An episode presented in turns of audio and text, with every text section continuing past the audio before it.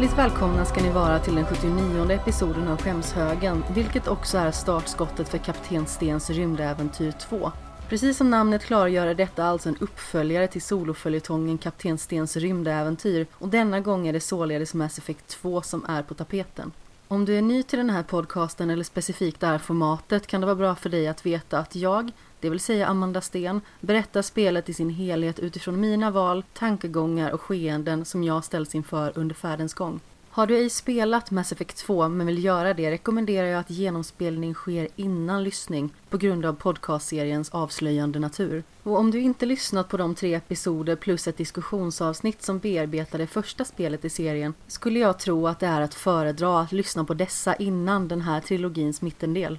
Under den första tredjedelen av min resa som Commander Alice Shepard har jag ställts inför svåra beslut, tragedier och förödelse men vägen kommer trots det inte bli lättare härifrån. Marionetten Saren, som blev ett väldigt tydligt ansikte för ondska, är borta för evigt men har redan orsakat enormt mycket skada och kvar hänger ännu det skräckinjagande hotet om Reapers ankomst över oss. Kommer jag och min besättning på Normandy kunna förhindra deras återtåg in i galaxen?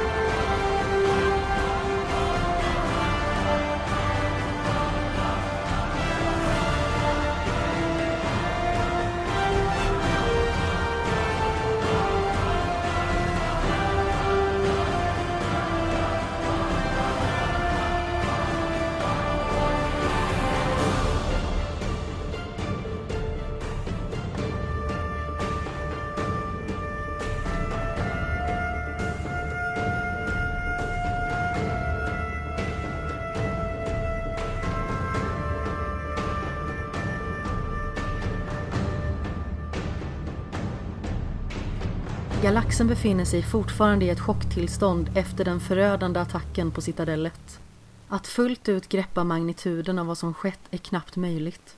Uppoffringar har gjorts, liv har spillts, samhällen har raserats. Och inte nog med att de galaktiska högkvarteren haft en svår process i sin återuppbyggnad.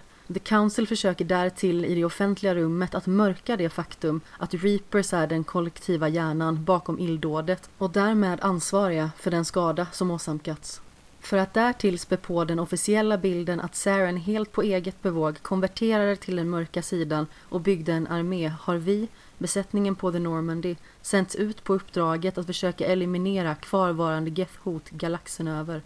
Jag och min, enligt Alliance-flottans mått mätt, något okonventionella skara besättningsmedlemmar färdas i stillhet genom det till synes oändliga mörker som rymden utgör.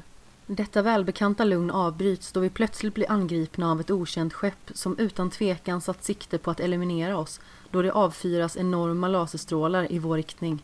När fullskalig panik utbryter ombord ber jag Liara bestämt att se till att besättningen lyckas fly via nödkapslarna och trots hennes motvillighet att lämna mig bakom sig gör hon till slut som jag ber. Jag själv sätter därefter in mitt sikte mot fören för att undsätta Joker som vägrar lämna styrspakarna trots det faktum att Normandy är helt bortom räddning och vi måste fly för att ta vara på den minsta lilla chans till överlevnad. Trots hans ovilja att överge hans älskade skepp lämnar han slutligen sitt pilotsäte och jag låter honom självfallet stödja sig på mig då hans kroniska sjukdomstillstånd, osteogenesis imperfecta, även känd som Vroliks syndrom, hindra honom från att röra sig kvickt och jag vill göra allt i min makt för att rädda min vän från att gå ett potentiellt tragiskt öde till mötes. Den jättelika, främmande farkostens laser laddas sakteliga upp och vetskapen om att det kan vara sista gången jag ser dem som står mig närmast är ytterst skrämmande och kryper innanför såväl rymddräkten som huden. Vägen till vår sista räddning känns som en evighet och när jag slutligen släpper taget om Joker är trycket från en explosion så starkt att jag slungas ut ur skeppet som nu delats itu. Viktlös svävar jag och min läckande syretank mot en säker död och det eviga mörkret sluter sig omkring mig.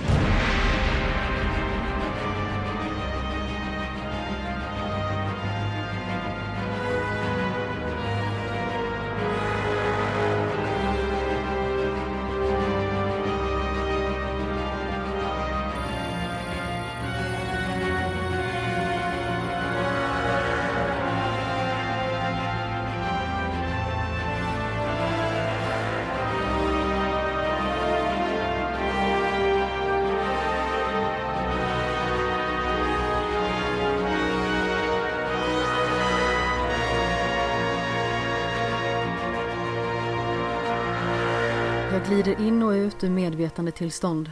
Framför mina ögon fladdrar oklara fragment av övervakande ansikten i starkt belysta, sterila miljöer förbi och vagt kan jag utröna röster språka av vad som verkar vara mitt fysiska tillstånd. Drömmer jag? Vad händer om jag försöker röra mig? En kvinnlig skepnad hindrar mig i min kraftlösa ansats och successivt börjar individernas röster bli mer avlägsna. Synfältet smalnar av och mörkret sveper åter in över mig. En bekant men okänd röst väcker mig ur min dvala. Hon känner till mitt namn. Shepard. Hon uppmanar mig, trots att jag ännu inte är återställd, att ta mig ur britsen då anläggningen är under attack. Vilken anläggning? Vad är jag? Vilken dag är det? När jag sätter mig upp ilar smärtan genom kroppen. När jag för blicken mot fönstren ser jag skott vina förbi utanför och rösten berättar att det finns ett skåp innehållandes en pistol på andra sidan rummet. Jag plockar upp den och vägleds sedan genom mina första stapplande steg samt vapenföring. Vad jag förstår är det någon som hackat sig in i denna anläggningssystem och dess robotar har därefter börjat attackera personalstyrkan. För varje gång jag stöter på dessa korrupta maskiner på min framfart genom byggnaden känner jag att dessa rörelser sitter i ryggraden. Jag känner mig förnyad, men ändå densamma. Jag stöter sedermera på en löjtnant vid namn Jacob Taylor som delger chockerande information. Jag dog vid attacken på Normandy. The Alliance dödförklarade mig efter tragedin och hela galaxen tror fortfarande att jag är död. Två år har passerat sedan dess och under dessa initierades projektet Lazarus som innebar att jag omkonstruerats för att kunna återupplivas. Och här står jag nu. Tack vare framstående forskare och deras avancerade teknologi består jag numera av vissa icke-biologiska delar men jag är fortfarande jag. Det är svårt att greppa hela situationen och det faktum att jag egentligen inte skulle ha stått här idag. Tankarna vandrar också självklart till min besättning som jag kommit oerhört nära och jag får förklarat för mig att alla utom några enstaka servicetekniker överlevde illdådet. Dessa har dock lämnat alliansen och gått vidare. De kan med andra ord vara var som helst efter all denna tid som passerat. Jag frågar också Jacob om vem kvinnan jag haft kontakt med tidigare var och han förklarar att hennes namn är Miranda Lawson. Hon är officerare på stationen vi befinner oss på och därtill Project Lazarus överhuvud. Hennes primära uppgift var alltså att föra mig åter till livet. Mitt i vår konversation blir vi avbrutna via kommunikationsradion av en man vid namn Wilson som önskar assistans. Vi ilar till hans undsättning och helar honom då han skadats i benet. Både jag och Jacob är lite skeptiska till honom då han beter sig underligt och det verkar inte som en omöjlighet att han haft något med robotarnas urspårning att göra. Dessa chockerande nyheter avlöser varandra då jag nu också får reda på att männen jag står framför, och även Miranda, arbetar för Cerberus. Jag har kommit i kontakt med detta människofrämjande storföretag på avstånd tidigare, men nu är jag så insyltad att jag blivit en produkt av deras tillgångar. Jag håller mig på min vakt när vi tar oss vidare. Till slut stöter vi ihop med Miranda som förkunnar att Wilson är förrädaren som satte attacken i rullning och hon avrättar honom utan att så mycket som blinka. Hon berättar sedan för mig att någon som går under namnet Elusive Man tydligen strösslat pengar över Lazarus-projektet och att han därav måste ha ett värdefullt syfte med denna enorma vilja att hålla mig vid liv.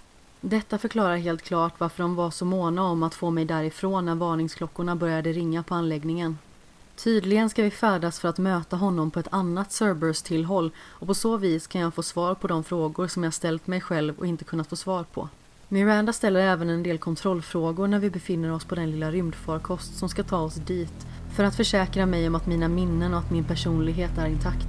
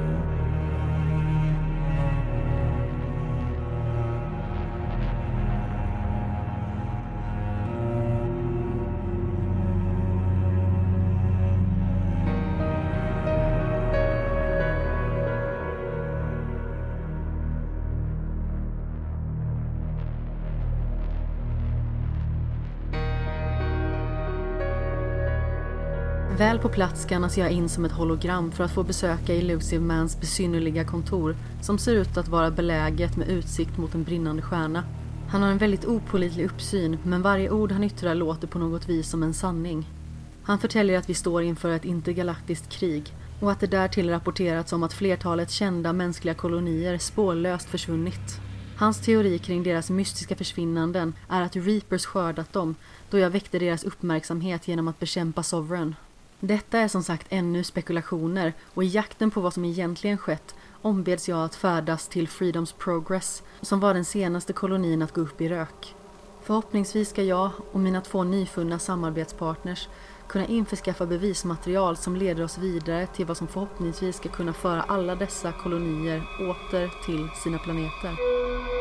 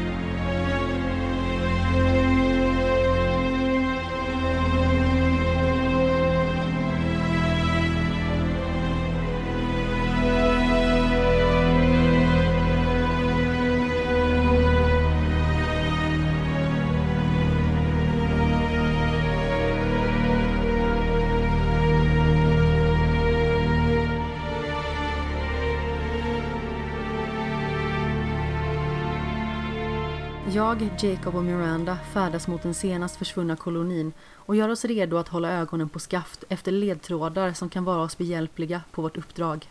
Enligt Miranda har Illusive Man ordentligt höga förhoppningar på mig och hon är mycket spänd på att se om jag kan infria dessa.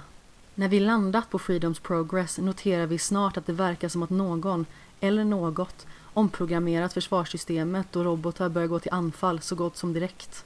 När vi oskadliggjort dessa kliver vi in i en byggnad där vi möts nästintill lika fientligt av en grupp korean som står med dragna vapen riktade mot oss.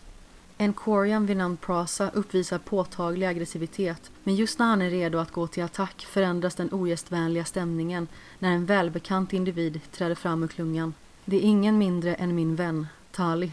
Men hon är inte samma Corian som med sin valpiga osäkerhet gav sig ut på pilgrimsfärd och sedermera skulle bli en viktig byggsten i besättningsstrukturen på Normandy. Det här är en Tali som växt till sig och mognat. En person som utstrålar pondus och självsäkerhet. Hon är inte längre en ängslig, utforskande yngling. Hon har blivit en respektingivande ledare. Trots att jag inte kan se hennes ansikte på grund av den korean-karaktäristiska masken ser jag på hennes kroppsspråk och hör på hennes röst att hon är smått chockad över att se mig då hennes sanning de senaste två åren har varit att jag omkom under flykten från skeppet. Jag är glad att se henne. Det ger mig hopp om att snart få återse resterande del av Normandy. Här och nu finns det dock ont om tid att ta igen den tid som gått förlorad. Tali berättar att de är här på ett uppdrag där de letar efter en Quarian vid namn Vitor som anlänt till denna planet under sin pilgrimsfärd. Det verkar inte vara en omöjlighet att det är just han som omprogrammerat maskinerna då han enligt utsago är skadad, rädd och håller sig undangömd. Vi bestämmer oss för att dela upp oss för att kvickare kunna täcka mer yta men Prasas grupp blir dessvärre lite onödigt hetlevrade när de rusar i förväg och springer rakt in i gapet på en gigantisk, fientlig robot som fullkomligt gör slarvsylta av dem. Efter denna fruktansvärda syn håller vi oss på avstånd och bryter sakteliga ner den tills den totalt tillintetgörs. Vi tar oss sedan in i en byggnad där vi slutligen finner en skräckslagen och något världsfrånvänd Vitor. Han blir synnerligen överraskad av att se oss mänskliga varelser och undrar hur vi undflydde den svärm som anföll. Under sin isolerade tid i detta bevakningsrum har han manuellt pusslat ihop övervakningsbilder från området och vi får se en syn som aldrig kommer att lämna våra näthinnor. På den något gryniga videoupptagningen ser vi hur människorna försöker fly i skräck men förstenas varpå gigantiska insektsliknande vingbeklädda varelser för bort dem från kolonin. Efter att ha observerat videon forskande påpekar Miranda att dessa otyg ser ut som collectors. Vitor, som nästintill är i upplösningstillstånd, fyller i att svärmar med små flygfän, så kallade sökarsvärmar, ge sig ut på jakt och förstena människorna för att de sedan enkelt ska kunna kidnappas. Vi kan inte begära att Vitor ska ha orken att delge mer information för tillfället då han i allmänhet är utmattad och sinnesförvirrad. Därför föreslår Miranda att vi ska ta med honom och undersöka den data han samlat på sig i sin Omnitool. Tali sätter däremot ner foten och anser att det han behöver är vård och vila, inte förhör och att han därmed ska återvända med resterande Corians. Jag instämmer inombords med henne men för att inte stöta mig med dem som trots allt just återupplivat mig föreslår jag en kompromiss som består av att vi alla ska slå följe, som förr. Hon nekar förslaget och kungör att hon numera har ett stort ansvar som hon inte under några omständigheter kan överge. Inte ens för min skull. Hon kämpar dessutom fortfarande med att greppa det faktum att jag är vid liv och anslutit mig till Cerberus. Det sistnämnda må vara en sanning med viss modifikation, men jag har inte lust att förstora upp den här argumentationen i onödan Istället föreslår jag, för att börja återvinna hennes förtroende, att Vito ska fara tillbaka med henne till flottillan. Vi i vår tur tar med hans Omnitool för att kunna studera dess innehåll. Hon är tacksam och jag känner att vi en dag kommer vara en del av något stort tillsammans.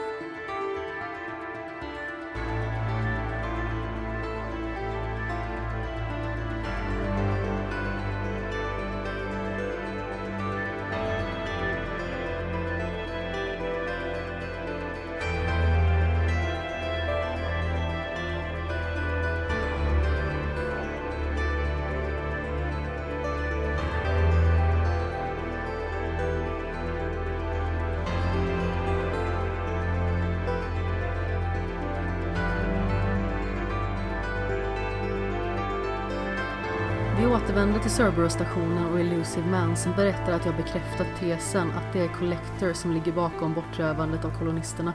Ytterligare en teori som man suttit inne på är att de möjligen skulle kunna ha slagit sig samman med Reapers och att anledningen till att de siktat in sig på just mänskliga kolonier beror på att det var en människa i spetsen när Sovereign besegrades.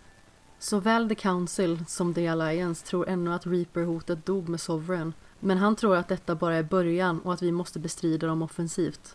Han lämnar sedan över en lista på nyckelpersoner han anser kan vara ytterst behändiga att ha med sig i strid och att finna dem är således min högsta prioritet från och med nu för att kunna värva dem.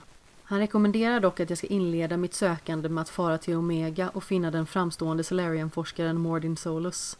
Innan jag vänder på klacken och spatserar iväg berättar han att ett skepp med en tillhörande pålitlig pilot väntar på mig. In stapplar den alltid lika skojfriske Joker som var den sista personen att se mig i livet. Jag överväldigas av lättnaden över att han klarade sig oskadd och glädjen att ha den bästa piloten i galaxen vid styrspakarna. Efter det hjärtevärmande återseendet visar han mig till vårt blivande skepp. Normandy SR2. Behagliga rysningar vandrar upp längs med ryggraden av att se det ståtliga skeppet redo för avfärd. Allt är nytt, men nästan som förut. Nästan perfekt. Jag är hemma igen.